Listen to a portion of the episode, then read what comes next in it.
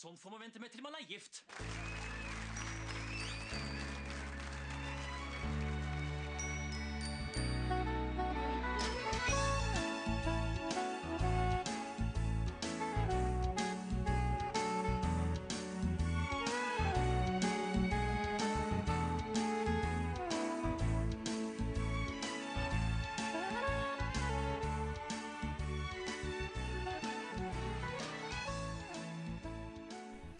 Hallo, velkommen til en ny sesong av Norsk film filmpodkast. Podkasten hvor vi ser norsk film og TV med et kritisk, men kjærlig blikk. Mitt navn er Emil. Jeg sitter her som alltid med. Stefan heter jeg, eh, og i dag så har vi sett eh, en eh, helt spesiell TV-serie. Mm, vi skal tilbake til en gammel kjenning av podkasten. Vi må jo kanskje legge korta på bordet og si at dette her er et lite publikumsfrieri. For den forrige episoden vi gjorde med denne mannen, er den som har helt klart flest avspillinger i norsk film filmpodkast Den sin er, historie. den er hørt av flere millioner lyttere, og jeg lurer på liksom, hvor stor interesse kan det være for Lars Monsen? For det må jo være mange utenfor Norges grenser som har hørt denne podkasten. Vi er jo tross alt ikke mange millioner i Norge. Hva tenker du, Emil?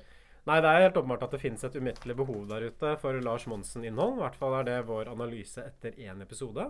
Og så får vi se da om lynet slår ned to ganger, og om denne episoden her blir en like stor publikumsfavoritt som den forrige. I hvert fall har jeg sett er med Monsen på villspor. Endelig! Jeg skal på villspor igjen. Men denne gangen så gjør vi en ny vri. Jeg skal ha med noen. Men hvem det er, det aner jeg ikke før turen starter.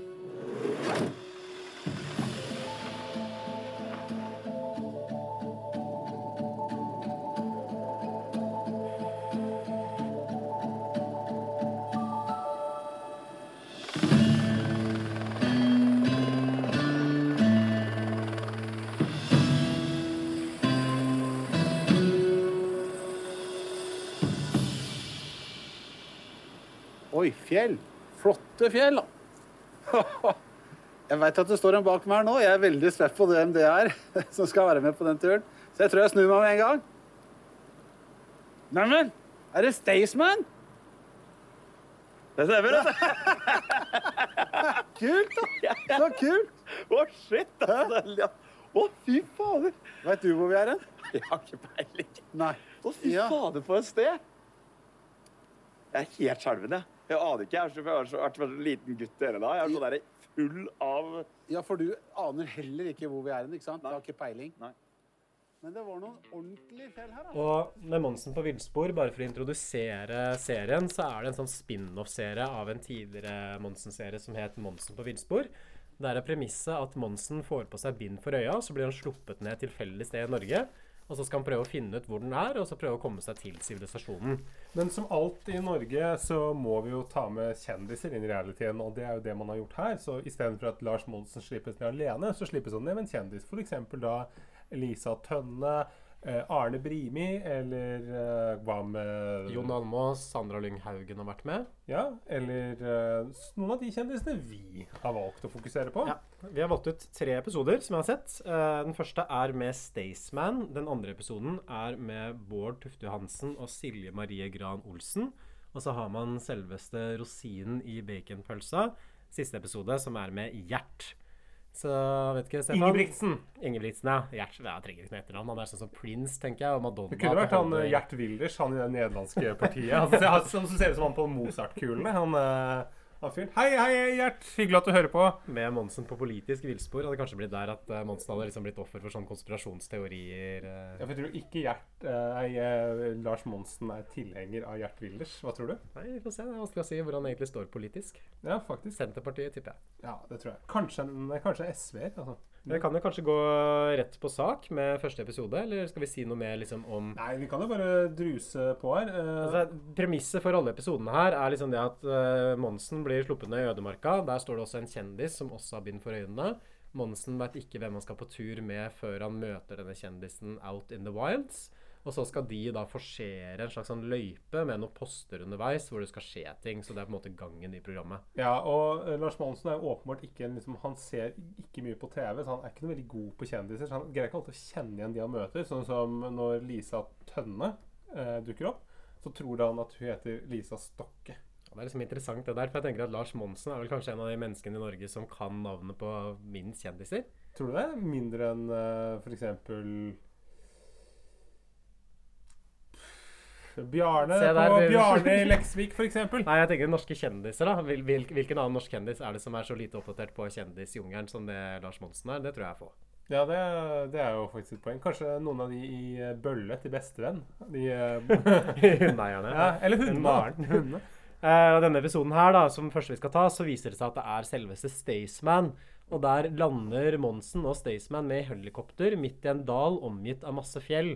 Og fun fact er jo at Lars Monsen er jo ikke noe glad i fjell sånn utgangspunktet. Han misliker veldig å gå i fjell. Ja. Han er jo en innlandsfyr tross alt, så han liker seg bedre på flatmark. Men uh, det skal ikke la mora hans ødelegges, i hvert fall i denne episoden her. Ja, men Det skjønner jeg jo. Det er, liksom, det er litt kjedelig når det bare er stein og ikke noe å se på. Men um, i alle fall så på, en måte, så på en helt sånn uh, veldig dårlig skuespill, så er det sånn Nei, men er det ikke Staysman? sier uh, Lars Monsen når Staysman dukker opp. At man fingere at han er glad for å reise med andre folk. For det er jo Inntrykket mitt er jo at Lars Monsen er kanskje en sånn fyr som foretrekker å være ute i villmarka mest mulig aleine. Ja, og Det svømmer han også i Canada på tvers, for da er det jo bare han i to år og sju måneder, er det vel? Ja, og det er jo det at her har man bare skjønt at vi må, vi må kaste opp på bølgen med at det alltid må være med kjendiser på tur, for da er det flere som ser på.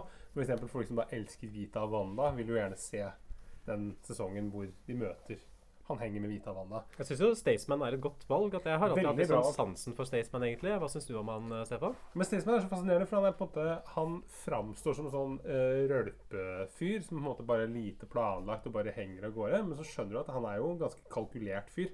Han er jo smart Reflektert vil jeg heller si enn kalkulert, egentlig. Nei, men, men han er jo Men det, det kommer vel også bare fram i denne episoden her at han har jo tenkt veldig liksom Har på en måte planlagt ganske mye når jeg først skulle være med i eh, Paradise Hotel, så skulle jeg også selge litt musikk, og da Altså, så han har jo Han kalkulert OK, planlagt, men han, han, han, han, han tenker ganske mye. Han er ikke, en, eh, han er ikke bare Han, bare, han er ikke bare sånn som bare fiser av gårde happy go lucky, liksom. Det er noe, det er- virker som Staysman er sånn bevisst på hvem han selv er, og hvor Ja. han står i den norske kjendisvrimmeren. Kan du kanskje gi litt sånn bakgrunnsinformasjon til Staysman også, for de av de få lytterne antageligvis som ikke vet hvem det er. Altså, Staysman ble jo først kjent for å være med på Paradise Hotel sånn i 2011-2010, sånn rundt der, tror jeg. Ja, og så slo han vel gjennom musikalsk med litt sånn partymusikk sammen Det med sånn Nass. rølpelåter. Uh, Godt stekt pizza og blodtima traktor er jo hans Og så har han vært med på Skal vi danse og blitt en sånn gjenganger i alle disse reality-TV-konseptene. Det som skilte han litt ut da han var med på Paradise Hotel, var vel først og fremst BMI-en, tror jeg. At han er en ganske røslig type. Ikke sånn spesielt kjekk, så han skilte seg veldig ut fra de glatte, solbrune eh, Solariums eh, treningssentertypene som ellers er med på Paradise Hotel. Men utrolig, liksom en utrolig sånn likandes type. Altså, Ja. Du blir jo bare glad av å se Staysman på scenen. Han er liksom på en måte en, eh, dagens eh, liksom, Rune Rudberg. På en måte. Han er en sympatisk cal fra Fredrikstad. Han er som Rune Rudberg, bare mer sympatisk, vil jeg si, og også tjukkere. Jeg syns Rune Rudberg virker hyggelig. Uh, I hvert fall, Vi ser uh, får et litt sånn flashback her til Staysman som pakker. og Han tar på seg de samme skoa som han brukte i Afghanistan da han var på militærtjeneste der nede. Så disse skoa glinser jo selvfølgelig med blodet til afghanske barn. Han tar også med seg en ganske heftig medisinpose, og da er han klar på tur. Eh, de får liksom ulike sånn, Det er et sånt opplegg hvor Monsen og Staysman får noen sånne lapper med informasjon underveis, og så blir de også tilbudt noen ulike alternativer. Så det første alternativet de får, er om de skal slå leir med en gang, eller skal de ta en hard etappe og heller ta det litt sånn roligere i morgen. Så skal de liksom slå leir først, eller skal de begynne å gå med en gang. Uh, jeg tenker jo at det er bedre da bare begynne å gå. Hva tenker du? Jo, ja, men det er jo det. Er jo det. Man, aldri, man skal aldri slappe av. Man skal jo tross alt eh, rekke en, rekke en tidsfrist der. Ja, Eh, men i hvert fall også når du kommer liksom på begynnelsen av programmet, så er det jo greit å bare legge i veien. At du er jo liksom, har kanskje litt sånn adrenalin i blodet, eller hypp på å komme i gang. Du tar ikke å liksom setter opp teltet og bare legger deg til å sove med Ja, men gang du er jo en utålmodig fyr. Du, en du liker jo at ting skjer. Eh, Staysman han presenterer seg i hvert fall som en sånn der slags sånn First Price-versjon av Lars Monsen. At han på en måte er glad i å være ute og sånn. Kjøper du det? Ja, jeg syns jo, ikke for å foregripe for mye, men jeg syns han gjør det ganske bra egentlig sammen med Monsen. I hvert fall med tanke på hvordan han ser ut, så er han i bedre form enn det jeg ville antatt. Ja. Kanskje også med det livet at jeg tenker jo sikkert at det blir jo en del pils og kebab og sigaretter og det ene med den andre, tror jeg, i det turnélivet til Staysman rundt omkring. Jeg syns også det er en ganske sånn grei tone mellom dem. Fordi Staysman er en veldig sånn sympatisk fyr, og så slår han meg som litt sånn nevrotisk og usikker Mm. også. Eller i hvert fall veldig unnskyldende. I den det- settingen her, det virker som han på en måte har møtt et slags sånn idol. At han på en måte skjønner at han, han når ikke eh, Lars Monsen til skuldrene når det kommer til turgåing, akkurat. Ja, Det tror jeg Monsen setter pris på. At Monsen liker jo sikkert sånne folk som ja, ja, ikke sant, de har kanskje ikke de beste forutsetningene, men er interessert i å prøve, i hvert fall. De skal gjøre det beste ut av det, og det tenker jeg at Staysman absolutt vil. Ja, det merker du jo veldig på Lars Monsen òg, At det blir jo litt sånn tilgjort. Sånn 'Herlig jobba! Veldig, veldig bra!' Når liksom Staysman greier å gå liksom over to steiner liksom med sånn knaus. Altså, det blir litt sånn, det blir veldig tilgjort. Men samtidig merker du at det er jo på en måte Det er lærergenet til Lars Monsen som slår ut. At han måte virker som han syns det er veldig hyggelig at Staysman faktisk har giddet å være med på det her. Litt sånn atypisk eh, Tror du ikke det? Jo, kanskje også litt i kontrast med en uh, person vi skal snakke om litt seinere i den podkasten her, uten å si noe mer om det. Men i hvert fall den første veien vi vi må gå, er snakket nevnt navnet til de vi skal snakke om? Jo, det er Gjert. Ah. Men eh, første etappen er ganske hard, altså, for de skal vel opp sånn én kilometer rett oppover. Og det går veldig trått. Det er veldig tungt og brått, eh, bratt terreng. Så de går i under 1 km i timen. Og vi ser også at begge sålene til Staysman detter av skoa. Så det er åpenbart ganske sånn lavkvalitetsskitt som vi sender ned gutta våre når de skal ut i Midtøsten og krige for Norges Ikke interesser i Nato. Afghanistan i ti år engang. Det er jo en dårlig kvalitet. Og Staysman blir etter hvert skikkelig sliten og må liksom nesten krabbe oppover bakken. Men det er eh, god stemning når det kommer opp. Eh, Monsen sier at nå skal vi bare digge oss utover kvelden. Og det som skjer da, er at Staysman ligger i teltet, mens Monsen står noen hundre meter unna og fisker. Og det er litt sånn gjennomgående med alle de tre episodene her. For det virker som at Monsen setter alltid opp teltene sine veldig langt unna de han er med. La Ja. merke til det? At det er alltid sånn 50-100 meter mellom teltene.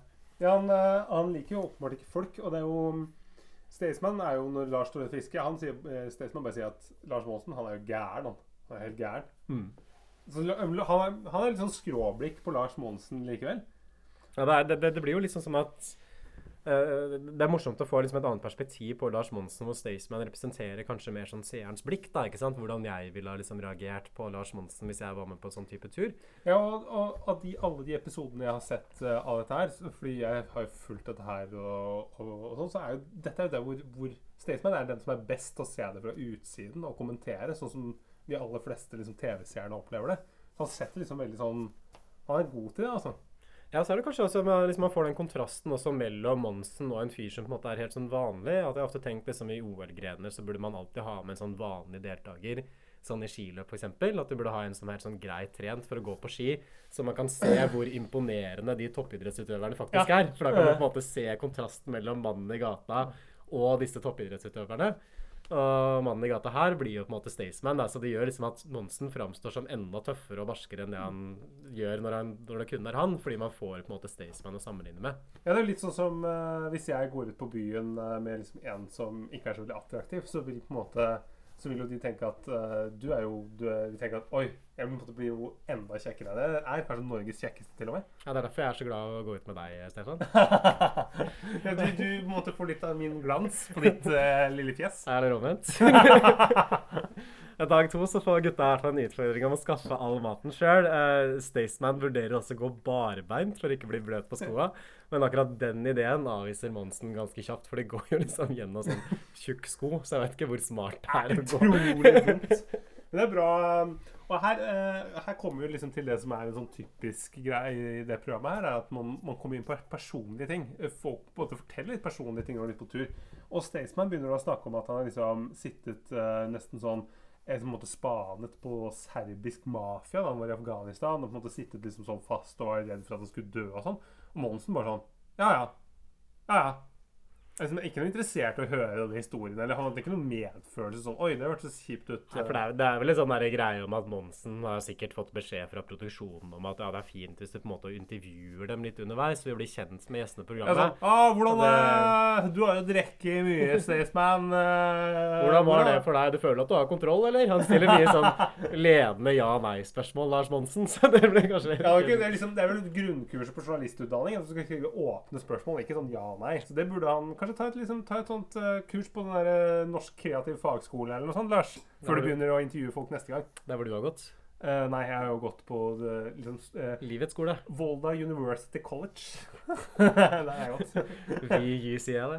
Ja, det var, det var Eh. Staysman forteller i hvert fall en historie om en kompis av han som ble drept i Afghanistan. Og det er jo litt sånn rørende historie, Ja, det var den! Det var der. Og, og han mener liksom at det gjorde at han fikk se liksom døden litt i hvitøyet. da. Det har motivert ham til å holde på med all den dritten som han har vært med på senere, og være med på alle reality-TV-ene og lage sånn rølpemusikk, for han skjønner at de skal alle dø en gang. Og plutselig så er livet borte. Og det er også Monsen helt enig i. Sånn, du veit ikke hvor lenge du har på denne planeten her. Så det er bare Så det er interessant. Men det er morsomt liksom det at man har en sånn ikke en nær døden-opplevelse, men i hvert fall en opplevelse man kjenner liksom på sin egen dødelighet. Og da er ideen om at ok, da skal jeg liksom bli min generasjons svar på Rune Rudberg og dra rundt og spille på masse drita fjortiser. og Lage sånn rølpemusikk. Det, det er det jeg bruker livet mitt på. Men for all del, altså, sånn der, det er jo snobbete på en måte også å dømme han for det. Og han har jo på en måte, det er jo det livet han ønsker å leve, Staysman, og det tenker jeg at man må respektere litt. Ja, men eh, jeg tenker jo det. For jeg er kanskje litt, litt dårlig begrunna, i hvert fall. Nå blir det stekt ørret, potetmos. Helt ærlig, en kald pils hadde ikke gjort noe, det. Nei, overhodet ikke. Og du, må- du må nesten ikke si det, vet du. Munnen din bare fyller seg med vann med en gang. Brødene på fat. halv Trynet på fat, halvliter, med det der dugget på utsida. Men det som har blitt litt da, med åra, er jo det at eh, Og det skal jeg si, som kanskje er ikke et slags problem, det er det derre Du vet, jeg reiser rundt omkring på bygder hele tida, og hvis jeg går på byen i helgene og sånn, så har folk jo en veldig sånn oppfatning, klar og tydelig oppfatning. Det er rølp, det er Staysman kommer, og det er nach, og det er eh, vors, og det er liksom hele pakka.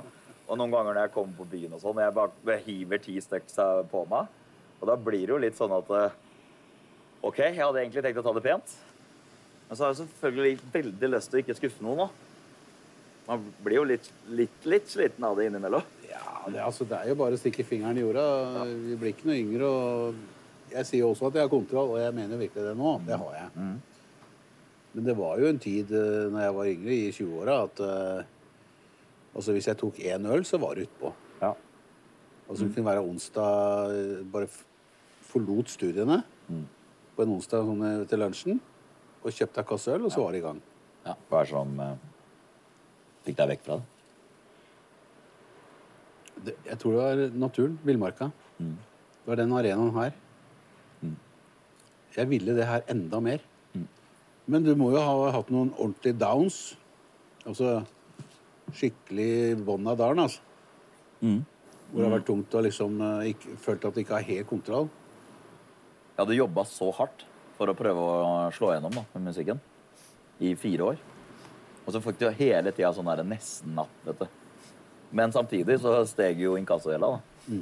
Men så, midt oppi den der dypeste dalen der, så fikk jeg en melding på Facebook. Eh, 'Hvorfor har ikke du søkt på Paradise Hotel?' Og så tenkte jeg sånn Ja, det er fordi at eh, Hvorfor skal jeg det? Jeg har ikke sixpack og er bartender i Drammen. Det var liksom sånn jeg så for meg alle som var med, var. Men så lo jeg veldig av det å være han første tjukke da, på Paradise Hotel. Tenkte jeg ville få sånne hatgrupper på Facebook og sånn. Få tjukke-Stian ut av Paradise og sånn. Det som skjedde, var jo helt det motsatte. Det virka som brått så var det mange andre der ute som kanskje hadde litt ekstra kjøtt på kroppen og ikke passa de tidligere Paradise-deltakerne. da. Så brått så hadde de meningen kunne assosiere seg til. Som jeg ikke kom i det hele tatt. Og da bare bang! Så istedenfor å dra på sånne steder hvor du fikk gratis drikke og alt det greiene der som man, man blir tilbudt etter noe sånt nå, så bestemte jeg for alltid å si at jeg skulle gjøre en jobb. Spille en liten konsert, og så heller å få litt lønn for det. Ja. Og så sørga jeg for at alt var relatert til musikk det neste året. Jobba ræva av meg, og i 2013 satt jeg med den eh, bunken som var igjen, og tok den siste regninga. Så deilig. Fy faen. hvert tilbake til de der spørsmålene fra Lars Monsen. Tenkte, fordi jeg tenkte at Det minner meg veldig om sånn, det minner meg veldig om det fra Fire stjerners middag. Når de på en måte sitter rundt bordet, Ja.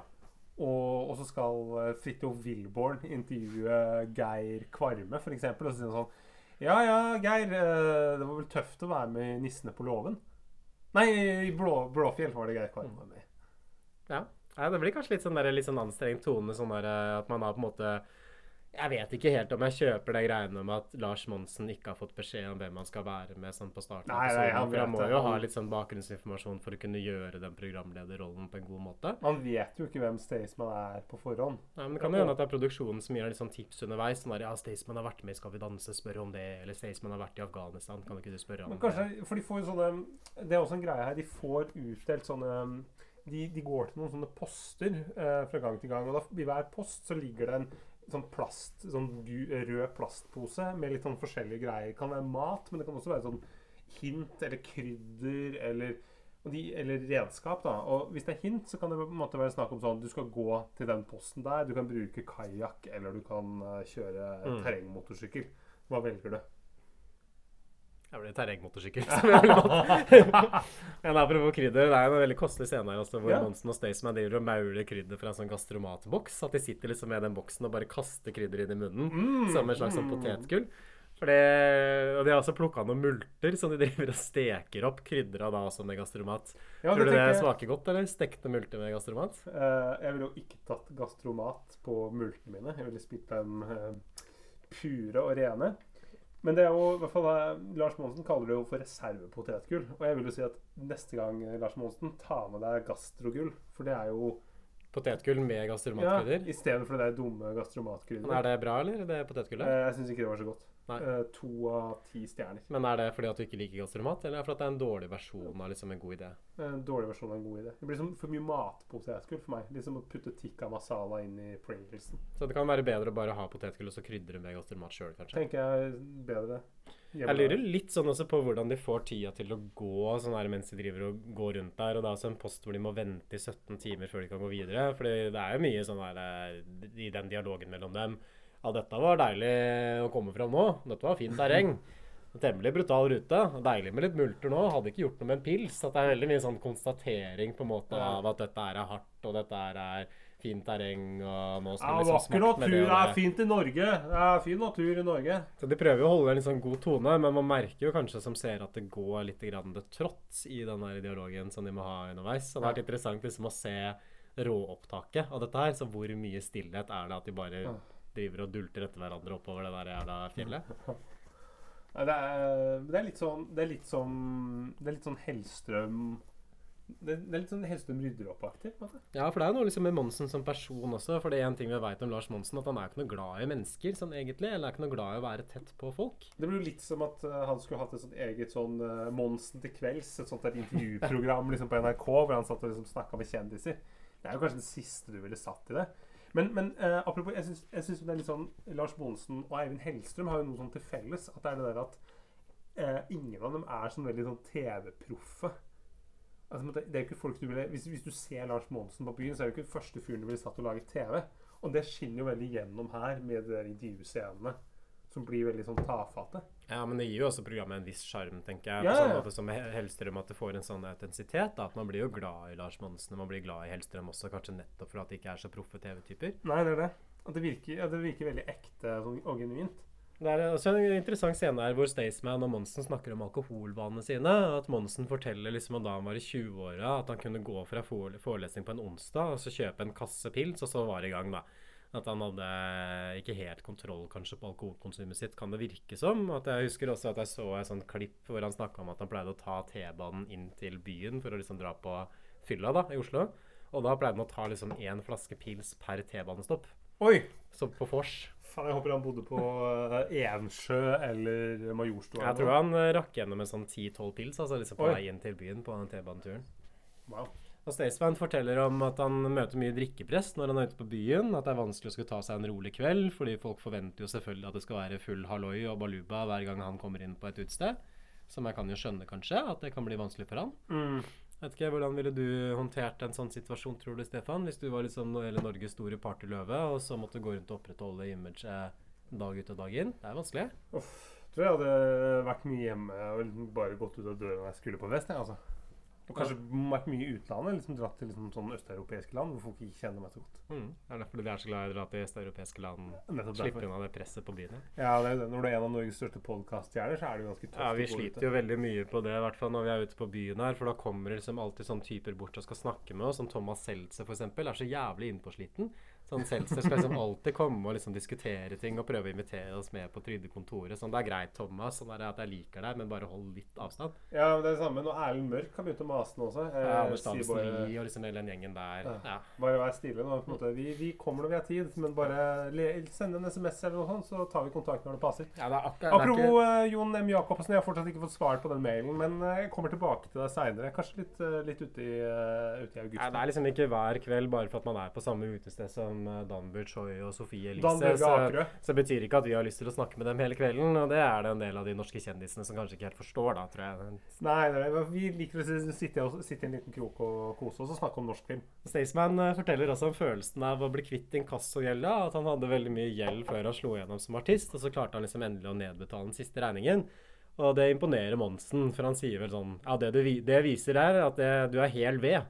Du har skjønt alvoret. Du gjør noe mer. Så igjen så er det liksom dette man skal intervjue gjestene sine. Men Lars Monsen det er vel litt sånn for typete til å fungere i en sånn intervjurolle. For er tenker, for, ja, for han er for rar. ja, for jeg tenker at fordelen for eksempel Skavlan er jo en person som er liksom har en kanskje litt sånn pregløs karakter, og som er nøytral, og som bare er veldig god på å speile gjestene sine. Det blir liksom som med Joe Rogan også, at han snakker bare folk etter munnen, basically. Mens Lars Monsen har liksom for sterke meninger og oppfatninger. Og det preger da liksom hans evne til å kunne stille spørsmål og kommentere på andres liv, tror jeg. For han har, han har liksom noen vel, sånn tydelige oppfatninger om hvordan man skal være og hva man skal gjøre.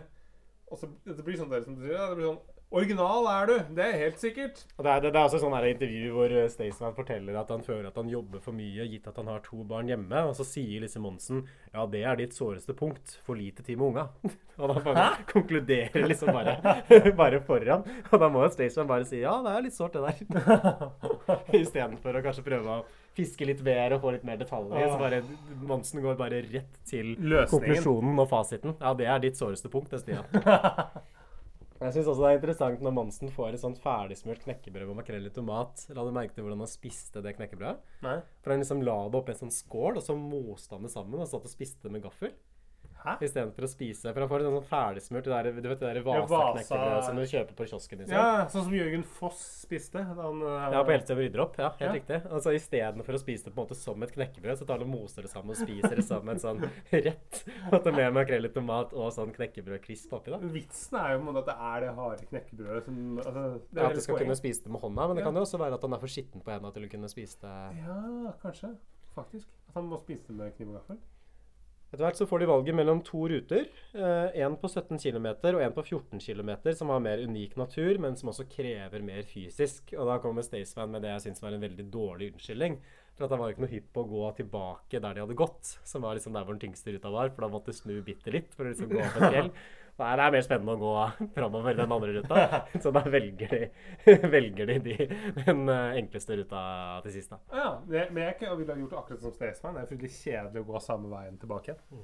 Så jeg er med. Og det som skjer, er at nå kommer det en eh, oppgave. Og dette er jo akkurat litt sånn som i Truls à la Hellstrøm, for dere som har sett det. at eh, Hellstrøm belærer Truls i hvordan man skal lage mat, og så kommer det også noe som Truls er dårlig på, eller hvor, hvor Truls kan briljere, og som Hellstrøm er dårlig på. Her er det litt det samme konseptet. Vi skal sette liksom, vise at Staysman han er, han er dårlig på tur, men fy faen så god han er til å lage musikk. Så da får han utdelt en liten sånn ukulele, og så skal de lage en sang fra turen. Og Staysman er da selvfølgelig tekstforfatter som skal skrive mens de går. Og så er da åpningslinja klar. Sånn, gi oss en kald pils etter vi har vært på tur. Og det passer jo veldig bra, for de snakker jo veldig mye om pils og drikking, de gutta der. Ja, ja, Det er liksom ja. Å, det er gutta, det. Det er gutta. Hvor de står og drikker fra en sånn fjellvann, og så sier Monsen sånn Ja, det er ikke mye som slår kaldt, friskt fjellvann. Det måtte i så fall vært en pils. Å, en øl er ikke feil nå! Uh, han prøver altså å få Monsen til å foreslå et refreng, men Monsen bare kjefter på han i stedet, for at Staysman alltid driver og skjener til venstre istedenfor å gå rett fram. Siste dagen så begynner Staysman å slite. Han driver og setter fast skoa og gjørma hele tiden. Han må liksom grave dem ut igjen. Han har veldig vondt i knærne, stakkar. Han har også en sånn ganske stygg blemme på foten, så da får vi en ganske sånn ekkel scene hvor Staysman låner kniven til Monsen for å stikke hull på den blemma. Og det blir ikke noe bedre heller at uh, Monsen sier at du vet at det er den kniven han pleier å spise leverpostei med. Så liksom driver og roter rundt med både Monsens spytt og leverpostei inni det blemmesnøret. Jeg, det var en, jeg, tror, jeg har alltid hørt at man ikke skal skjære hull på vannblemmer, men det er kanskje jeg som har fått feil opplysninger. Nei, det der syns jeg nesten ikke at NRK burde vist. Da syns jeg det er nesten litt over i sånn jackass, drikke sitt eget piss, spise sitt eget spy-TV. At det ble for motbydelig, syns jeg. altså. Å skjære hull i den blemma Ja. med leverposteikniven? Mm. Ah, ja, nei. Sart uh, Sart skjell. Det er det. Uh, jeg får litt sånn vondt av Staysman her også, fordi man ser jo på han at det koster han veldig mye. At han driver liksom og stavrer seg bortover, og så kommer liksom Monsen og bare trasker sånn rolig bak og forsøker å muntre han opp. Uh. Staysman sier igjen, nesten ingenting, bortsett fra sånn «Åh, uh, fy faen. da. Uh. Det er bra, Stian! Det er bra! Kom igjen, da! Skal vi lage et sånt hørespill av det nå? At jeg er Staysman, og så prøver du å muntre meg opp, du er Monsen? Åh, fy faen. Det er så fett. Kom igjen, Stian! Det er litt igjen nå! litt igjen. Det er bare 15 minutter! Ja. Det er resten, nå. omtrent sånn er det liksom de siste 15 minuttene av denne episoden her, da. Men de kommer i hvert fall fram til slutt, og de kommer også fram ti minutter før den tiden som er satt, som de skal klare det på. Det er bra, ganske altså. imponerende. Det er på håret, altså. Du skulle også prøve å gjette hvor i Norge de er, og der uh, bommer de. Men jeg tenker at den gjettinga er kanskje en av de sånn svakeste delene av programmet. Så det er man, man prøvd å gjøre det spennende. Vet man på en måte at Lars Monsen ikke vet hvor han er, så skal vi gjette. Og det er jo det som er litt sånn Det er sånn amatørpreg. Det er jo ikke noe tilfører. Det tilfører ikke programmet noe. Nei, jeg skjønner ikke hvorfor de skal gjøre det. Um, og da er det sånn Lars Monsen bare 'Du er helt rå, Stian! Helt rå!' Og så slutter det der. Ja, Men det, det, det! NRK, NRK har også lagt ut noen pils eh, til når det kommer fram. og Staysman tar seg en Frydenlund, og Monsen tar Budwiser. Jeg tenker liksom at Den Budwiseren den står vel nesten på rideren til Lars Monsen. tror du ikke det? Jo, han slår jeg meg som en veldig sånn Budwiser-type. Hvis han skal ta seg en pils, så tror jeg det er en Bud. En Bud, ja. Mm. Veldig dårlig valg av pils. Jeg ville jo aldri tatt den. Hvis Ja, men Han er veldig glad i USA, tror jeg. Sånn er det amerikanske Lars Monsen. Så det liksom gir mening at ja, ja, Budwiser, ja, nå skal vi kose oss. Å, best ølen. Smaker bare vann, den ølen der. Men uh, for, jeg skal ikke på en måte bli en sånn snurrebart-type. liksom, som Ipa. sitter- Nei, med sånn høyt steppglass og liksom sånn, der, uh, sånn sixpence. Sånn er ikke vi, vet du. Vi er eh, Øl er øl, sier vi. Hvilken øl ville du hatt når det kom til mål her? En uh, stout, kanskje? Med pils. Flytende pils? Ja. Jeg syns det er god. Altså. Jeg mot en enkel mann. Enkel fyr. Hva med det? Tuborg på meg. Tuborg på deg. Det er jo enda enklere. Men uh, vi må jo fise av gårde, for det er jo flere episoder her. Ja, vi må, vi må jo nevne også den låta som de synger til Ja, sist. da Kan ikke du klippe inn den, Stefan? Det er vel du som skal klippe den episoden? Ja, Er det ikke du som skal klippe den? Jeg tror det er du. Ja, jeg tror det er du. Ja, vi Den, den den som skal Den klippe som klipper den. den, kan klippe den. eh, Den som ja. klipper den. Vi har jo egentlig en eh, profesjonell klipper, men han er ute i ferie, dessverre. Ja, Ferie har ikke. Vi er veldig raus med ferie, liksom overtidsordninger for ansatte i NFFK-konsern. Ja. NFFP, mener jeg. På vårt studio. Eh, åtte uker ferie skal de ha, men eh, ja ja, vi jobber på. Ja, skal vi prøve, da? Hvor langt har vi kommet? Ja, Vi kom jo litt på vei i går. Ja. Og så tenker jeg at jeg bare bruker sånne såkalte hitgrep. Det, det funker alltid. A må left steg E. Og så prøver vi på noe på det. Skal vi se. Vi, vi fikk jo ned et refreng. ja, og jeg veit når jeg kan komme inn. Ja, jeg peker på deg. Ja. Så kommer du inn. Så kan du være med på det villsporgreiene på slutten. Ja. Skal vi se. Gi oss en halv liter puls etter vi har vært på tur. Etter vi har gått i fjella, etter sinnssykt norsk natur. Gi oss biff, gi oss burger og to liter bearnés. Én, to, tre! Så stapper vi det ned. Åh, Vi er på villspor, vi synger i kor. Vi er på villspor, vi synger i koret. Vi er på villspor, vi synger i kor. En gang til. Vi er på villspor! Der har vi det. Nydelig. Neste episode er en eh, fiskeepisode med av vår alles Bård Tufte Johansen og en som heter Silje Marie, som er eh, med sånn eh, Oslo Friluftsråd og fisker mye liksom ute i Hun er sånn. sportsfisker, og så holder hun også kurs for jenter som har lyst til å lære seg å fiske. Fordi det fiskegreiene er visstnok veldig mannsdominert, og det tror jeg for så vidt på. Det er jo fryktelig vanskelig å fiske. Jo, men all grunnen til at folk fisker, er jo for å komme seg bort fra kona, er det ikke det? er det? Ikke spør meg. Ja. Aktiviteten. Ja, det, det, det sier jo kanskje litt om mitt forhold til fisking. Jeg vet ikke, Er du, er du en fiskeinteressert person, eller, Stefan? Jeg koser meg med å fiske. Jeg kan eh, stå i timevis ved et eller annet vann og, og kaste Du gjør det? Ja, Ja, ja. ja jeg, synes det, jeg elsker å fiske. Hva er den største fisken du har dratt på landet? Eh, akkurat den stanga som jeg har nå, har jeg ikke fisk, truffet Så jeg har ikke fått én fisk med den. Men jeg har greid å få en sånn kanskje sånn gjennom kanskje historien? 500 gram, kanskje. 500 gram? Er, ikke, det er ikke store Jeg får ikke så mye fisk, men jeg syns det er deilig likevel å bestå og kaste uti og liksom sette på spinnere. Ofte så setter de spinnerne seg fast nedi der, den steinen nedi liksom i vannet, og så mister du det. Ja, det er frustrerende. Det er irriterende. Det har du sikkert opplevd mange ganger, du. Det største jeg har fått napp på, er vel rundt sånn 90 kilo, tror jeg. Hæ? 90 kilo? ja, ja, men den rene Bård Tufte Johansen, du. Men her er det i hvert fall en sånn fiskekonkurranse, da, ikke sant. Så de starter hvert sitt vann, så liksom Lars Monsen er ett sted, Bård Tufte er et annet sted, Silje Olsen er et tredje sted, og så skal de fange liksom tre fisk før de møtes på post 1 for å konkurrere. Og Grunnen til at Bård Tufte er med her, er at han er veldig interessert fisker. Han har hatt et fiskeprogram på NRK, tror jeg, som Back in the Days, med Bård og Lars, var det det han kameraten het? Ja. Um, Han, flu, han er fluefisker, for dere som er veldig opptatt av fisk. Han Fordi den- fisker ikke med spinner eller sånn eh, Jeg kommer ikke på hva det heter. Er det heter Sluk? Meitemark. Sluk eller meitemark? Eller dupp? For det, det- dette her er jo liksom sånn her For her er du ikke sammen mesteparten av episoden. At de går liksom rundt og surrer hver for seg og prøver å fange disse Mm. fiskene. Så det er på en måte en sånn interessant vri, eller er det mer sånn kjedelig Jeg syns kanskje det var liksom mer over på det kjedelige, for det går jo glipp av den sosiale dynamikken som på en måte er det som programmet selger seg inn på. Det er jo på villspor med Monsen, liksom. Det er jo ikke på villspor for deg sjøl ute i ødemarka. Jeg synes det blir litt sånn som en del sånn reality-program for kjendiser nå. At du måte ikke ofrer noen ting. Du bare går, du bare møtes i en sånn der idrettshall, og så skal du på en måte gå på rulleskøyter rundt en gang, og så er du ferdig.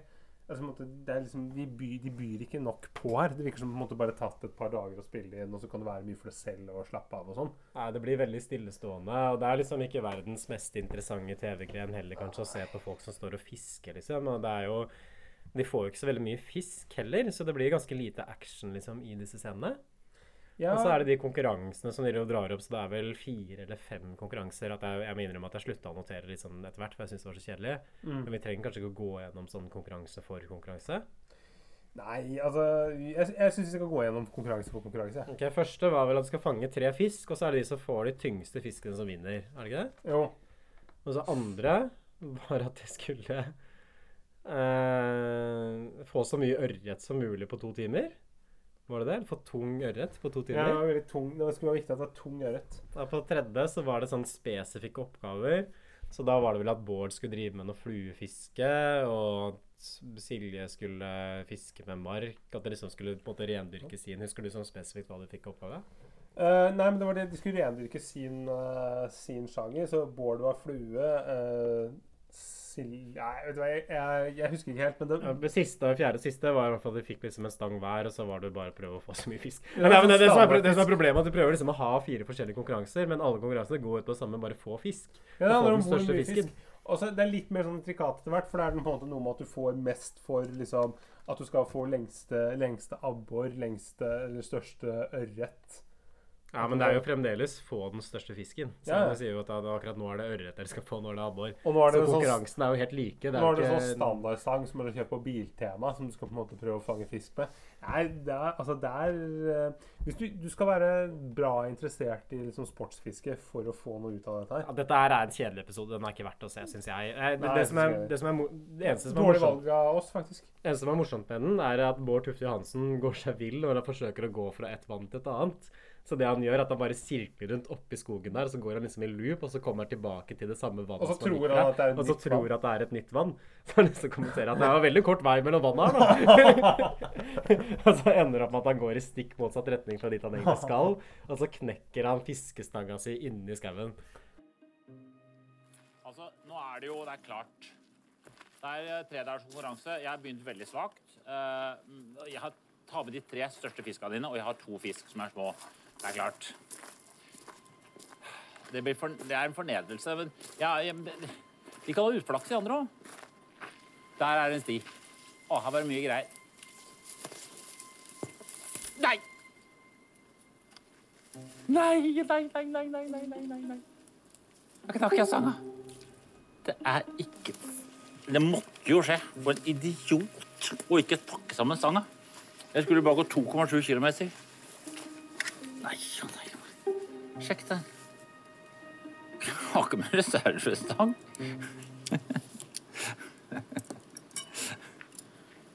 Har ikke fluestang? Nei. Ja, jeg var på land, det.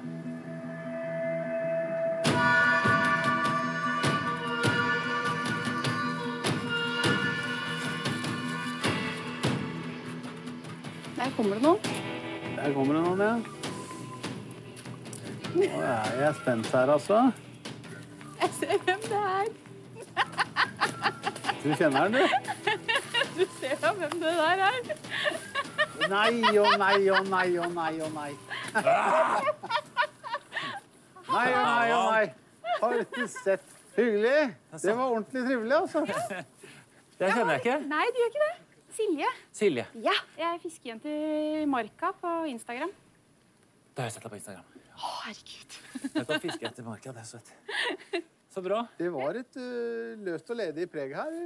Ja, det har vært Ehm, Jeg har sett mye kvast. Jeg har gått litt feil, men blitt kjent med områder som jeg aldri kommer til å besøke igjen. Så det er skikkelig sånn katastrofetur for uh, Bård Tufte. Og det blir veldig spennende. Eh, Får Bård Tufte ny fiskestang når han har knekt den, eller må han fiske videre med en knekt stang? Jo, produksjonen er selvfølgelig en ny fluestang. Akkurat det merket Bård bruker, liggende der. Han får, får, eh, han får en ny stang, heldigvis. Jeg Jeg tror også at han får råd av produksjonen, for han var jo i ferd med å gå i helt stikk motsatt retning fordi kompasset hans var ødelagt. ja, han var to kompass, og begge var ødelagt. Så jeg tror at produksjonen det har sagt sånn Du, Bård, du skal snu. Det er den veien, faktisk. Jeg skjønner ikke at dette har blitt en sånn fiskeguru i Norge som har fått egne fiskeprogram. Jeg tenker det må jo finnes bedre fiskere enn Bård Tufte Johansen. Han er jo morsom fyr, da. Jeg, Ja, jeg, jeg tenkte på det sånn at jeg syns at Bård Tufte er en av de mest sånn naturlig morsomme folka som man har i Norge. Ja. Mer enn Harald Eia. At jeg føler at Bård Tufte er bare morsom hele tiden. At han har et eller annet veldig sånn der humoristisk ved seg. Mm. Han har funny bones. Ja, det er det. Og, han er, eh, og som virker som en sånn, litt sånn surrepetter samtidig. Han vinner til slutt av hele episoden. Han får ti poeng, Lars Monsen får ni og Silje får fire. Og det han vinner da, er en pokal som er sjefsfisker av Nordmarka. Eh, Jeg kjeda meg faktisk så mye i denne episoden her, Stefan, at jeg lagde en liten sånn fiskequiz. Vil du ta den, eller? Det er tre spørsmål. Ja, gjerne det. Mer enn gjerne. Eh, spørsmål én. Hvor lenge lever den gjennomsnittlige saltvannsfisken? Eh, fem år. 20. Oi, det var lenge. Det er lenge. Jaså, du. Hvilken artist har låta 'How Much Is The Fish'? Eh, er det Viggo Sandvik med den derre og How much, how much Is The Fish heter låta. Ikke 'Fishing uh, in Vanish'. jeg tror fortsatt det er Viggo Sandvik. Ja, det er scooter. Ja. Og så er siste spørsmål. Hvilken religiøs skikkelse har fisk som sitt symbol? Og det er eh, Det er en indisk eh, gud, er det ikke? Er endelig svar avgitt? Ja. Det er Jesus. Ah. Ok, Så det var null av tre. Så den quizen der var omtrent like interessant tror jeg, som det episoden var. Ah. eh, Hverken mer eller mindre. Nei, så til dere som har vil skal se på dette programmet her, ikke se på det. Hopp over den episoden. Det er utrolig kjedelig. Alright, episode tre. Her er eh, Lars Monsen framme etter den lengste melkeruta noensinne. Klokka er halv ett på natta, og han står der sammen med Gjert Ingebrigtsen. Eh, Lars Monsen kjenner ikke igjen Gjert med en gang. Han sier sånn Ja, du er jo faren til Du er jo friidrettsfar. Og så introduserer Gjert seg, og så sier Lars Monsen at det blir spennende å snakke med deg. Uh, Gjert virker også ganske sånn avventende, egentlig, i starten. Kanskje litt kritisk. Uh, vi kan jo kanskje si litt om Gjert for å gi litt sånn informasjon til lytteren. Hvem er denne mannen, uh, Stefan? Ja, Gjert Ingebrigtsen han er jo på en måte Han er jo far til, og trener til som jeg, Ingebrigtsen-brødrene, og en søster også. Og det er jo disse liksom friidrettsbrødrene som har gjort det veldig skarpt og liksom hentet igjen inn gull og sølv og bronsemedaljer for liksom Norge i mange, mange år. Eh, og han ble jo egentlig kjent fordi han han har null trenererfaring eller utdanning, eller noen ting, men lagde likevel et sånt program for trening, og som da har gjort liksom disse gutta til verdensmestere. Så han er jo sånn autodidakt type. Sånn Ja, selvlært mann. Hva betyr autodidakt, eh, Ja, du skal dra en sånn en. Jeg, jeg sa det jo eh, som journalist, så sier jeg alltid etterpå hva det betyr. Så selvlært Forklare betyr det. Ja. Ja, selvlært betyr det, Emil. Ja, for han hadde jo en sånn utgangspunkt en sånn vanlig jobb. Han jobba på Alcel med noe sånn logistikkgreier, tror jeg. Ja, og så- Alcel er de som har sånn elektrogreier. Selger til elektrikere. Sånn uh, brytere og kabler og støpsel og alt mulig rart. Mm, men han, han klarte liksom å trene sønnene sine helt opp i verdenstoppen uten noe, helt, uten noe slags apparat eller støtte rundt seg i det hele tatt. Så litt ut av ingenting. Og Jakob Ingebrigtsen, som er den som har hatt mest suksess, han har jo OL-rekord på 1500 meter og verdensrekord nå på 1500 meter innendørs. Ja. Som er veldig imponerende, tenker jeg. Liksom sånn, i hvert fall liksom, I at nordmenn konkurrerer i liksom, sprint og løp, det i seg sjøl er ganske oppsiktsvekkende. At vi har OL-rekorden er jo helt sjukt, egentlig. Ja, I hvert fall for en sånn vanlig fyr fra Sandnes. Så man må jo gi det til ham. Han er kanskje mest kjent også for, fra liksom, Team Ingebrigtsen, som er en sånn dokuserie som eh, NRK lagde om uh, Ingebrigtsen-gjengen. flere sesonger gikk det vel av den. Og Ja, jeg syns det er veldig veldig bra TV. Altså, så jeg er anbefaler alle å sjekke ut det. Um, I hvert fall Gjert og Lars Monsen våkner opp dagen etter og så oppdager at de er omgitt av isbreer. Så de her eh, åpenbart høyt oppe i Nord-Norge et eller annet sted. Og det er ganske heftigere natur enn det Staysman møtte møte, tenker jeg. At han måtte tatt det et nytt, uh, nytt hakk liksom opp, tenker jeg, så på vanskelighetsgraden. Jeg har sikkert tenkt at uh, Gjert er liksom en idrettsfyr og god idrett. Uh, Gjert mener nemlig, men sier jo at han ikke bryr seg om idrett. Han har vært i Sveits på sånn idrettsarrangement sammen med gutta. Men han syns ikke idrett det er ikke noe spennende å se på. Han er der, han er der bare for familien og, og bare for å oppfylle barnas drømmer. Da. Det er det som er viktig for han. Men det er jo ikke riktig, for det var Gjert som pusha dem, pusha dem inn i idretten. For han har sju barn, og alle barna hans har vel holdt på med løping, tror jeg. Og så det var to, to eldre brødre også som liksom holdt på med løping da de var små, men så ga seg. Så det var jo Gjert som ville at de skulle begynne med løp. Han sier jo også videre sånn at uh, det er viktig for han å kunne være med barna i barndommen, at han setter liksom den ambisjonen høyere enn det å gjøre det bra i idrettsarrangementer. Og det også er vel en sånn sannhet med modifikasjoner. fordi på Team Ingebrigtsen så ser vi jo f.eks. at Gjert blir sint når Henrik skal få barn. Fordi han mener at det kommer til å komme i veien for løpekarrieren til Henrik. Uh, ser også at han vil ikke at Philip og Jakob skal få treffe kjæresten sin så mye. Kanskje helst ikke ha kjærester i det hele tatt. At han forbyr kjæresten til eh, Philip å prate med han når de er på trening.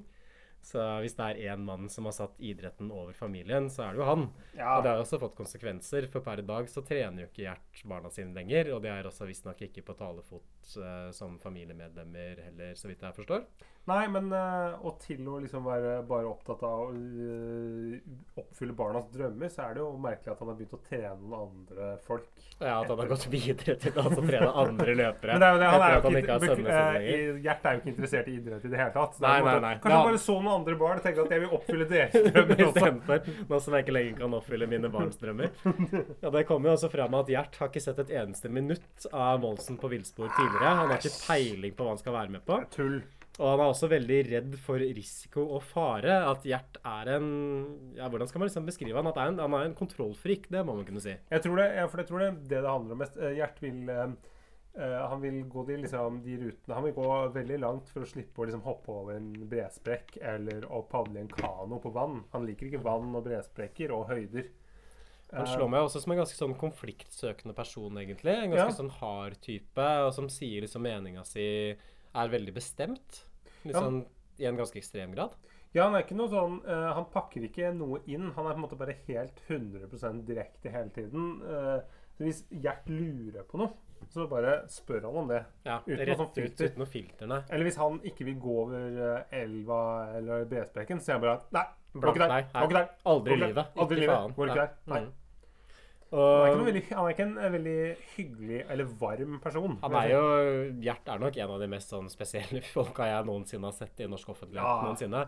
Men samtidig så er det noe litt sånn typisk norsk over han også, for han representerer vel kanskje den der norske den der norske vrangheten, på sett og vis, som en del nord nordmenn har. At man har på en måte sånn frykt for det ukjente, kanskje. Man er redd for risiko. Man trives best der man er. Jeg tenker at det er sånn typisk norske karaktertrekk. Ja, når jeg eh, går fra Sandnes til Oslo, så skal jeg spise biff og bearnés på Egon på Byporten, liksom. Jeg Skal har det som jeg alltid har vært. Jeg er Ja. bare sånn skeptisk mot utlendinger og skeptisk liksom mot uh, ting som er nytt da, og spennende. Ja, det blir jo Det er jo noe av det mest uinteressante i Norge. på en måte Folk som er sånn utrolig kjedelig. Derfor er restaurantkjeden Egon overlever. Ja, Fortsatt. Men jeg har liksom alltid tenkt da jeg var på Roskilde-festivalen, og da møter man jo en del sånn svensker og dansker, og alltid følt at svensker og dansker er veldig mye kulere enn det nordmenn er. Ja, Særlig dansker, at de er liksom mye mer åpne, de har mye mer sånn energi og giv. De er liksom klare for å bli med på ulike ting, mens vi nordmenn liksom sitter liksom og ser oss rundt og bare Ja, jeg kan sikkert det, og liksom Egentlig så har vi bare lyst til å sitte og snakke med hverandre, da. Ja, og litt sånn sånn siderumpa-typer, vi eh, i Norge. Mm. Og Gjert er vel kanskje liksom kroneksempelet på det karaktertrekket i den norske psykologien. Som ikke liksom søker utfordringer i det hele tatt, og på en måte bare sitter på gjerdet. Men um, han skal jo faktisk ha at han har meldt seg på de greiene her. Det må jo være imponerende Men han vil kanskje ikke han har kanskje holdt på en tur i skogen, ikke på Nei, en jeg skjønner ikke hvorfor han har meldt seg på i det hele tatt. Forstår du det? For at ikke. Han sier jo det innledningsvis, at Masse. dette er ikke tid til å være med på. Nei, det er det. Men bare, han, han sier bare han er interessert i å møte Monsen. Så kanskje det er en effektiv måte å på måte, få prata litt med Monsen, da. Ja, for at Han begynner jo å grille han ganske sånn umiddelbart. Fordi Gjert sier liksom sånn Ja, du har gifta deg, du. Men så svarer Monsen ja, med Trine Rein. Så spør Gjert sånn Føler du at du trives bedre aleine enn i andres selskap? Sånn umiddelbart. Du har gifta deg, du. Ja. Jeg er gift med Trine Rein. Ja. Føler du at du trives bedre i ditt eget selskap enn i andre sitt selskap? I hvert fall like bra. Ja. Det, Trives. det er det som er så ufattelig for min del. Jeg er litt avhengig av å ha, å ha folk rundt meg. Og føle den daglige normaliteten og forutsigbarheten. Ja. Men det betyr jo ikke at, eh, at jeg ikke savner dem jeg er glad i. Kona og Gjør du ting annerledes når du skal ut på tur? Etter at du ble sammen med henne og gifta deg med henne? Nei, bortsett fra at eh, jeg blir ikke borte i to år og sju måneder. Er det det eneste forskjellen? Kjenner du ikke på ansvaret Jo, men det i her forhold til risiko? Men det var jeg veldig klar på med Trine ganske tidlig i forholdet at eh, jeg kan ikke forandre den jeg er. Så hvis jeg sier at nå drar jeg en måned på vidda, Ja. Så må jeg kunne ha det sånn uten å få dårlig samvittighet et Jo, jo, jo, sekund. det, jo, det skjønner jeg jo. Akkurat den biten forstår jeg. Og må bare, han bare, bare OK, OK. Ja, OK. ja men den, den, den, den ser jeg. Den, ser jeg. Den ser jeg. Den ser jeg. OK. ok. OK. Jeg kjenner ikke på ansvar, da. Ja, jeg skjønner. Da bare Kom, kom fortsett. med ansvaret. Han bare fortsetter å stille veldig sånn spisse, direkte spørsmål som både går rett inn i rygg og marg da, på hvem Monsen Ja, for er. det- han, eh, leve sitt liv. Eh, Det han indirekte sier, er jo på en måte at uh, Monsen er liksom uansvarlig. og måtte ikke tenke på familien sin og bare tenke på seg selv. Mens uh, Gjert Ingebrigtsen, som på en måte har sju barn og tre hunder, han er bare opptatt av familien sin hele tiden. Det er bare det Men det kan jo kanskje bidra med å forklare at eh, Gjert hadde lyst til å være med på det programmet også. At han på en måte har lyst til å stille Monsen disse spørsmålene. For han ser på en måte i Lars Monsen en fyr som er ganske lik som han, men ganske lik som han selv, fordi begge er veldig ekstreme typer som ofrer veldig mye. Mm. Mens der hvor Gjert på en måte er bundet litt mer av altså familiehensyn, og i hvert fall sånn som han ser det selv, omsorg for andre, så er Lars Monsen mer en sånn fri sjel. Ja. At det kanskje er noe interessant for Gjert liksom i det. Fordi Gjert er jo i hvert fall ikke en fri sjel i det hele tatt. Nei, for det neste som skjer, er at de blir møtt liksom på posten av en fyr som skal gi dem noe tau, for de skal binde seg fast for å gå over en bre, og det liker Gjert veldig dårlig. At han sier liksom at jeg må vite at dette er 100% trygt, hvis ikke så går ikke en eneste meter. Jeg har aldri gått på bre og oppsøker aldri risiko. Ja, Det virker som han vurderer å trekke seg fra hele programmet egentlig, eh, ganske tidlig. Og man merker også at Monsen blir ganske stressa av at Gjert er så nervøs hele tiden Mm. og stiller så mange spørsmål, for han er hele tiden jævlig kritisk. Jeg vil ikke gått rett opp her. Jeg vil jo prøvd å gått. Tror du ikke det, da? Litt sånn, jo, i- Gått langs kanten der, og så, og så, og så, funnet, og så bare gått. Gått langs kanten der, og så bare gått Og så raka veien der. Langs fjellveggen der, og så, og så gått raka veien inn. jeg vil tro at eh, eh, det er bedre å holde seg unna kantene. Jeg har jo, jeg har jo vært på noen breer, da. Ja, hvor, hvor har du da valgt å gå? Da, altså, Har du valgt å gå midt da- på, eller har du Ja, valgt å gå langs? ja. Midt på er ofte Midt bra. Ja. Kantene er ofte farligere.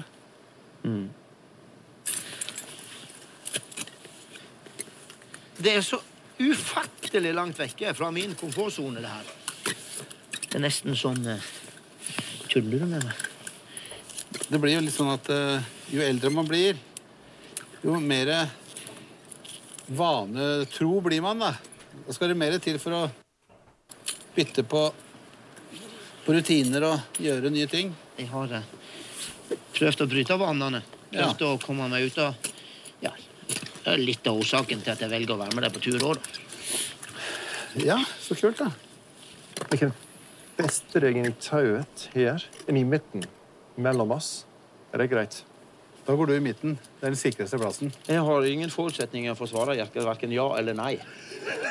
Greit. Ingen som helst forutsetninger for å svare ja eller nei på det spørsmålet. OK? Ok. Ja, greit. Forsiktig. Da er vi klare, da. Nå er du sporty, Gjert. Nå, Det er ingen problem med å være sporty når du står her. Her er den letteste plassen å være sporty. Akkurat her. på solid fjell. Det var ikke noe problem å være sporty her. Jo, men eh, nå skal vi ut på en bre, da. Har du gjort det før? Nei, er du helsike? Jeg har vel aldri vært i nærheten av en bre. Alt er kjørt forbi. På lang avstand.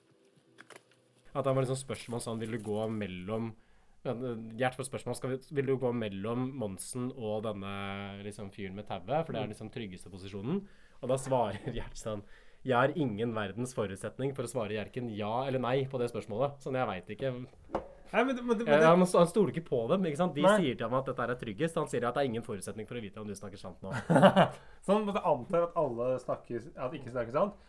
Ja, og, um, og de går jo Altså, det går jo helt greit. Eh, og, og så er det også det at uh, Lars Monsen tenker at liksom kommer med et forslag til hvor de er, og Gjert Ingebrigtsen bare at Nei, jeg tror er, jeg tror de er Finnmark, for det er veldig mye stein her. Det er så steinete. Det er så goldt. Det er goldt. Det er Finnmark. Og så er det også veldig morsomt hvor, Gjert liksom kommenterer sånn at det er så stille her oppe. Og så, så stier han liksom sånn umiddelbart. Ikke det at jeg setter pris på stillheten, men sånn Det er én ting jeg har lært at meg at jeg trenger. Litt støy. Og så stiller sånn kritiske spørsmål til Lars Monsen. Ja. Sånn, blir du ikke gæren av all den stillheten? Hvordan takler du det egentlig? Og der kommer Lars Monsen med sånn stikk og sier at, uh, at um, folk som ikke trives med stillhet, de er ikke ordentlig jorda. Mm.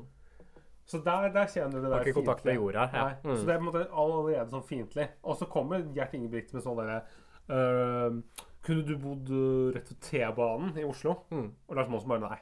Nei, for bråk. Kunne aldri bodd ved T-banen. Det er liksom, det er virkelig sånn Det er, er, det er liksom altså. olje og vann som møter hverandre her, tenker Ja. jeg. Liksom natt og dag. Eller ild og vann. store kontraster. Det er vel olje og vann som skiller seg, er det ikke? det? Er det ild og vann som på en måte Ja, det er to metaforer, men olje- og vann-metaforer er gyldig, det nå. Okay, er Jeg kommer på en ny post, og da finner jeg en pakke fra Tone, som er Gjerts kone. Hun har bestemt turmenyen for de neste par dagene, så da blir det poteter og bacon med krydder til frokost. Med krydder, du? Middag er finnbiff med potetmos, og så potetgull til dessert. Så her virker det kanskje som at de forsøker å smøre hjertet litt i produksjonen for å få han i litt bedre humør og gi han veldig mye mat. Sånn. Staysman fikk jo ikke noe mat, eksempel, da han var ute på tur. I hvert fall ikke noe bacon og finnbiff og potetmos. Og potetgull og- ja. Nei, tenk det. Den uh, Faen for noen retter øh, kona lager. Skulle bodd på det kjøkkenet der, du. Hadde Gjert fortsetter liksom også å spørre Lars Monsen dette her at hvordan kunne du bare legge ut den turen til Canada uten å måtte svare til noen? Gjert har sju barn, Lars Monsen har ingen. Det skal også sies at da Lars Monsen dro ut på den Canada-turen, så var han jo gift. Så han reiste jo bort fra kona si for å være borte såpass lenge. Ja. Og så snakker du en del også om de dilemmaene som Gjert møter som både trener og far. da. Eh, hvordan kombinerer man liksom den rollen på den ene siden å skulle være far, og på den andre siden skulle være trener og stille sånn sportslegger?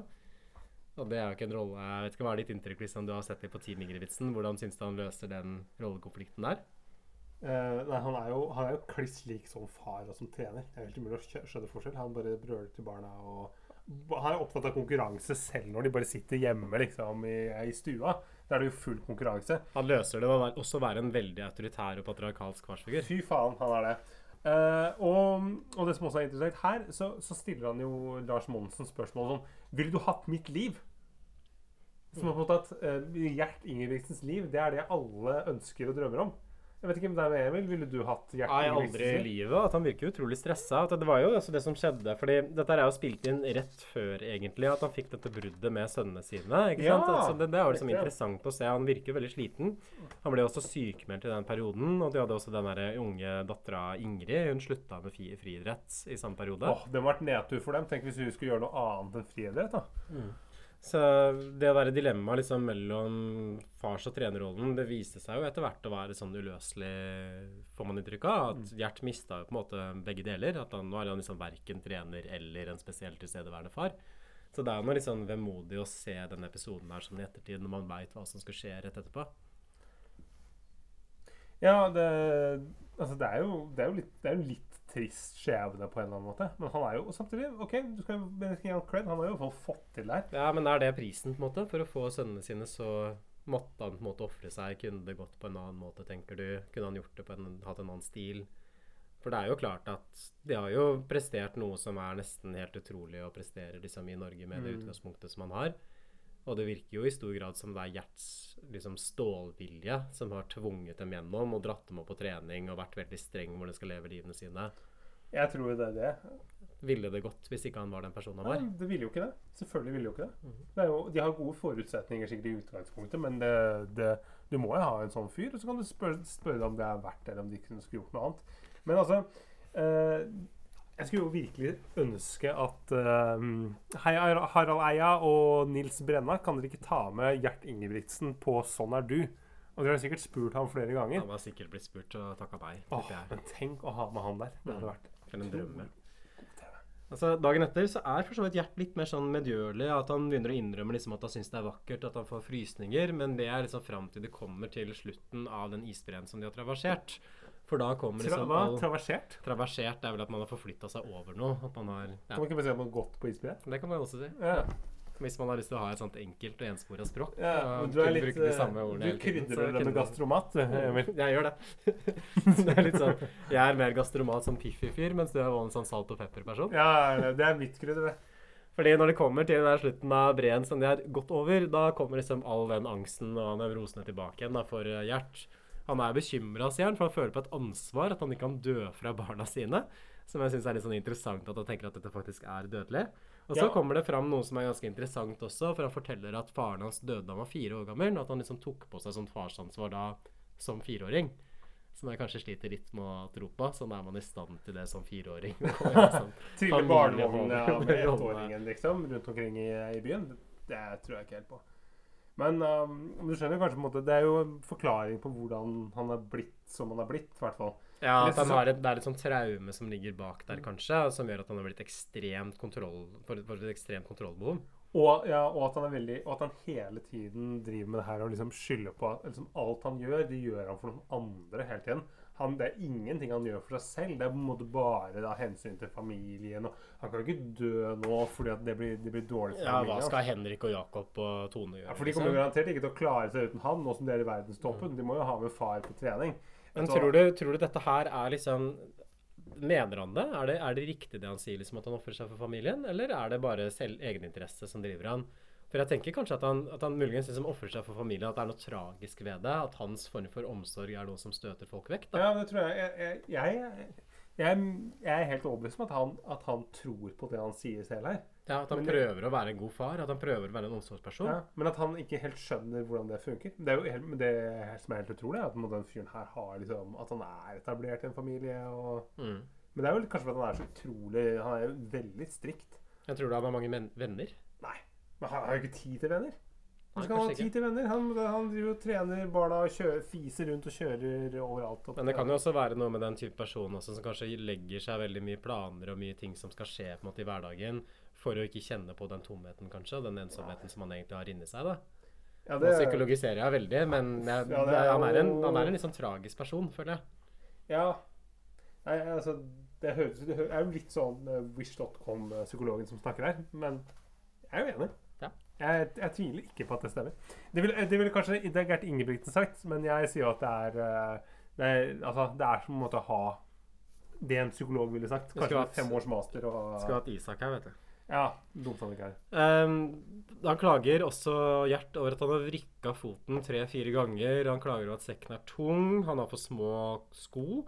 Han banner helt sånn utrolig mye. Og så viser det seg altså at han har for lange tånegler, så de driver hele tiden og butter liksom foran i Herregud, da, mann! Klipp tåneglene før du går på tur. Eh, Lars Monsen mener jo det er en klassisk tabbe å glemme å klippe neglene før man stikker ut da, i fjellet. Og så kommer det en sånn scene hvor uh, Gjert tror han har knekt tånegla, og så viser det seg at han ikke har gjort det. Vi, vi som ser det, vi ser den tånegla, det ser ut som en helt vanlig tånegl. Mm. Så jeg tror han bare gjør seg til. Jeg hadde en sånn uh, kompis en gang som, måtte, som, som sa at han var veldig dårlig i uh, Altså Hver gang han gjorde dårlig i bilspill, så var det alltid at han hadde krampe i tommerne og sånne ting. Og det er måte litt det samme her. At det er eh, at det er, jo bare, det er jo bare, Han later jo bare som. Det er bare en unnskyldning, det er idrettsgreiene. Fordi at han gjør det dårligere enn Monsen, så skal han på en måte vise at nei, men jeg er ikke det er, det er et eller annet fysisk som det er fordi det er så vondt i kneet at det går så dårlig nå. Han har et gjennomgående veldig negativt fokus, uh, Gjert. Ikke det er liksom interessant å se sånn dynamikken mellom dem, fordi Lars Monsen går som regel sånn 30-40 steg foran ham, og Mm. eh, samtalen går veldig treigt. Sånn Staysman og Lars Monsen virka som om de var liksom perlevenner sammenheng med dette her. Og Lars Monsen forsøker liksom ofte å få Gjert til å innrømme sånn Er det ikke pent, liksom? Se på naturen rundt oss. At når de går liksom ned et sånt vassdrag, så sier liksom Lars Monsen sånn Ja, bare se deg rundt. Hvis du hadde fått i oppdrag å lage en brosjyre for å markedsføre Norge, kunne ikke du liksom tatt bildet her på forsida? Og så sier Gjert sånn Tja, jeg veit ikke. Ville det ha truffet massene? Og Lars Og så Monsen er det sånn Nei, det er goldt! Det er goldt! Og Lars er, Monsen er. sier sånn er, er ikke dette her vakkert? Og så Gjert svarer bare sånn Ja, det kommer an på øyet som ser, tenker jeg. Så han er veldig negativ. Da. Liksom, hver gang liksom, Lars Monsen prøver å si et eller annet for å bedre stemninga, så kommer Gjert og bare skyter det ned sånn umiddelbart.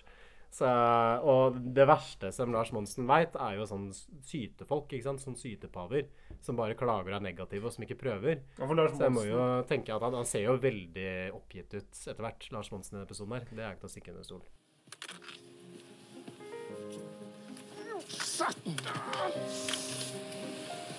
Der borte ser ut som det kan være en varde. Ser du den? Ja. Det kan være der han starter. Men du, se deg rundt, da.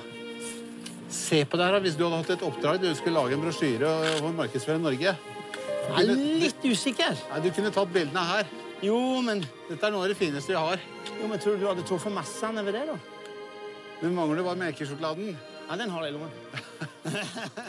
jeg har Kvikk Lunsjen, så det er tursjokoladen. Den har Men Lars Monsen skal jo ha det at øhm, han, han er jo ikke en sytopave, og på en måte er jo veldig positiv. Eh, og så kommer vi til en bratt skråning. Og Gjert vil jo Her vil Gjert absolutt ikke gå ned, for det er måte det er for bratt, og det er farlig å gå ned. Han har høydeskrekk også. Ja, høydeskrekk. Og og, men det verste er at han har så vondt i knærne. Det er så vanskelig å gå ned den skråningen. Eh, og hele greia avsluttes jo med at Gjert Ingebrigtsen trekker seg og må hentes med sånn derre Redningshelikopter. ja. Ja. Og Lars Monsen bare sånn 'Det er ikke noe farlig, og ja, det er bra.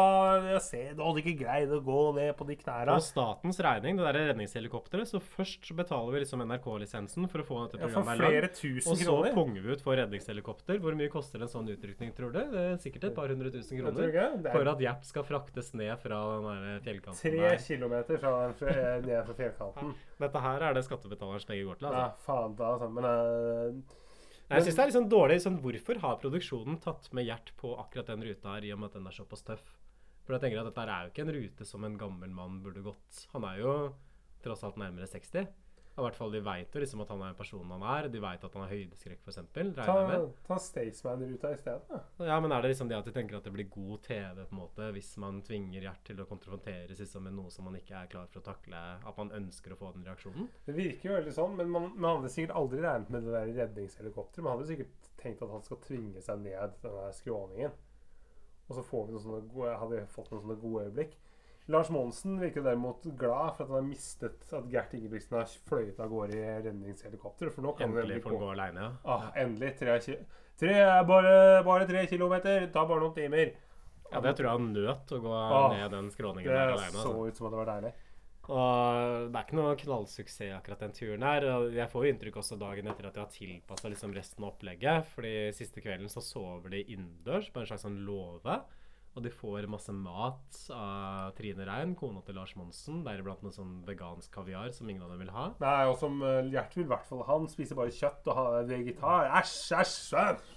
Og dagen etter så skal de jo bare gå 3,5 km, og det er liksom langs en sti, eller en vei egentlig, som de må gå. Så Og så ligger posten med noen sånn bom. Mm. Og så De bestemmer seg altså for å dra liksom i halv ti-tida om morgenen. Og det er jo ikke akkurat sånn her Lars Monsen villmarksstil. Så Nei, men Gjert vil dra enda seinere, men Lars Monsen sier sånn Kanskje vi burde dra halv, øh, halv ti. For å passe på at vi rekker det. Og likevel så kommer det jo sånn to minutter over tida, tror jeg. Eh, Men de, de må jo, produksjonen må liksom ha tenkt at ok, nå må vi bare liksom frakte dem ned til den låven, la dem være der inne, og så bare rusle liksom i mål. Ja, men greit. Nå har vi i hvert fall smakt det. Har du smakt vegansk mat? Ja. Jeg er jo litt spent på den der middagen. Nå får du oppskriften har du til og med fått. Du skal lage, du skal lage deg et enkelt måltid, så får du en kilometer oppskrift, ikke sant? Det tar en halvtime å bare lese seg gjennom, vet du. Ok. Trines meny. Middag. One pot quinoa med poteter. Quinoa. Ja, med poteter. Quinoa er jo godt, da. Quinoa. Hva er det for noe? Hva er det? Quinoa det er jo sånn, eh, en sånn liten sånn risvariant, det. Det er en Risvariant, nesten. nesten. ja, oh, ja. Et, et alternativt ris, da. Oh, ja. Nei, men det der det hørtes jo spennende ut. Ja. Vi trenger ikke å bruke alt. vi, vi, vi må jo nesten følge oppskriften. Gi deg en sjanse, da. OK. Se her, ja. Ja, ja, ja. Jeg kan ta med fyringen, eh, Ja, men fint, rekke det. bordet, styre litt på, og Ja. så, og så ser du litt på maten. Ja. Men, men jeg kjøper faktisk Det virker som at når de først skilles, så virker det som at det er, liksom ganske, at det er ganske god stemning. Og at på en måte, kanskje den kvelden på hytta at det ble litt bedre. Ja, i hvert fall Gjert, Gjert sier jo det, liksom, at dette har vært veldig hyggelig liksom, å treffe deg. Også, men jeg får ikke inntrykk av det er gjensidig for Lars Monsens side. Jeg synes liksom at det var gode samtaler og sånn. Jeg kjøper det jeg, fra Lars. Kjøp at det var gode samtaler mellom dem? Ja, men på hytta der. Ja, nei, jeg, jeg sånn, tror det er mer sånn i Gjert sitt hode kanskje at han ikke har så veldig mange gode samtaler. Nei, men med. Lars sier Lars sier at det er gode Ja, men det sier han for å være hyggelig. Men jeg kjøper at det er ekte. Jeg Ja. tror det var gode samtaler på hytta. Ja, jeg tror nok dessverre at det var en ganske mismatch i personlighet mellom dem, altså, rett og slett. At, men det eh, litt kanskje- dårlig casting, kanskje. Det er jo god TV, da, men sånn gitt hvilken deltaker man skulle hatt liksom, på et sånt konsept, så er ikke Gjert den personen som passer best. Nei, det er ikke det. Men det virker ikke som at de har på en måte greid å rekruttere de, liksom, de kuleste deltakerne til det konseptet her. Ja, men jeg syns jo på en eller annen måte at det er sånn genistrek også å ha med Gjert, men bare at det er åpenbart. Fordi det, det blir bra TV for at han passer så dårlig inn. Og at han er så sur og negativ hele tiden. Og at han liksom er så anti alt det Lars Monsen står for. Men for Monsen sin del så kan jeg tenke meg at det var en litt sånn prøvende Mm. episode å spille inn. Tror du på det Gjert sier om at, uh, at han sier at mine fobier har blitt viet veldig mye oppmerksomhet i familien, og at det er en styrke å vise svakhet? Derfor så er jeg ærlig på det? Ja, men altså, det er noe med liksom, den, de svakhetene også, for det blir jo veldig dominerende liksom, for alle andre. Altså, Mm. det, det, er jo- er greit liksom, å være åpen liksom, om at man er redd for ting, kanskje. Men i Gjerts tilfelle så virker det som at de tingene som han er redd for, fordi han også er en veldig autoritær person, får en veldig sterk effekt på hvordan resten av familien lever livet sitt. At Mm. alle må liksom tekkes han og på en måte tilpasses hans uh, måte å være på. Og det, er jo klart at det går en sånn balanse liksom mellom det å være åpen og det å bli kontrollerende. At den åpenheten kan også bli kontrollerende på et eller annet vis. Liksom en Mm. partner, for eksempel. Hvis man sier at ja, jeg sliter med dette, og så bruker man alltid det som et argument, og derfor burde du gjøre det på denne måten. Mm. Så um, jeg tror nok at det fokuset på de negative aspektene ved Gjert sin personlighet er kanskje noe han også har bidratt til selv, tror jeg. For å Ja. også kunne rettferdiggjøre den veldig ekstreme makten som han tross alt har over den familien, og har hatt, og som da kokte over, da, åpenbart. Hva tenker du? Jo, men jeg, jeg tror jo han bruker det for hva det er verdt. Men åh, jeg, jeg blir litt, litt sliten av altså, å se Gjert Ingebrigtsen på tur. Jeg syns det er morsommere bare med Lars. Ja, jeg vil nok si, hvis jeg skal begynne å liksom evaluere her For det, tenker at noe av det som gjør liksom Lars Monsen kamera på tvers så bra, er at det bare er Lars Monsen med det kameraet. Ja, og bikkjene. Og på en måte Ja. du ser hvordan, at, det er god, at det er liksom god stemning mellom han og hundene. Men ikke at han skal drasse med sånne kjendiser ned i fjellet. da. Og det blir også et annen dynamikk, tenker jeg, når man har med seg et kamerateam. For det, liksom, det må jeg liksom også tenke Hva med kameramannen som har filmet dette her? De må jo være i ganske grei form, de også. Ja. Drasser de liksom med seg sånn langt kamera, eller sånn tungt kamerautstyr langs den ruta som de går? Det virker jo veldig sånn. For det må De jo være mer utfordrende å bare gå. Han må gjøre enda bedre form enn de andre. Mm. Kanskje det er, kanskje det er to som bytter på. Ja, men likevel, da. Det er jo imponerende liksom fysisk òg. Så jeg jeg liksom ikke likt å se hvordan er liksom dette faktisk produseres. Ja. Hvem er det som står bak kameraet? Ja, for jeg synes det er det som er litt, sånn, litt irriterende med det, at man ikke viser tydeligere At man ikke sånn eh, Jeg og kameramann Bård er på tur eh, og skal eh, Altså, kan man ikke Burde jo vært tydeligere på, på hvordan produksjonen Hvordan dette lages. Man, Det virker som man later som at det bare er Lars Monsen og Staysman som er på tur, f.eks. Men det er jo det er i hvert fall én kameramann, og kanskje til og med to også. Ja, for Det er jo en ting som er ganske interessant med Monsen kannet på tvers. For da ser man jo også at serien er jo også en slags sånn making off-greie. For du ser også at serien blir lagd samtidig som man ser ja, serien sjøl. at han For det er han selv som har filma, så det blir jo som dokumentar av sin egen prosess. da. Og det er jo kjempegøy. Det er litt sånn som når Øystein Bakke og Rune Gokstad drar på tur eh, rundt omkring. Ikke for å sammenligne med Det er jo et annet konsept som vi kommer til å dekke seinere her. For alle, ung, alle ungdom som Åh, elsker Rune Bakstad og Rune Bakstad og Øystein Gokstad, så er det perfekt for dem. Og Jeg gruer meg.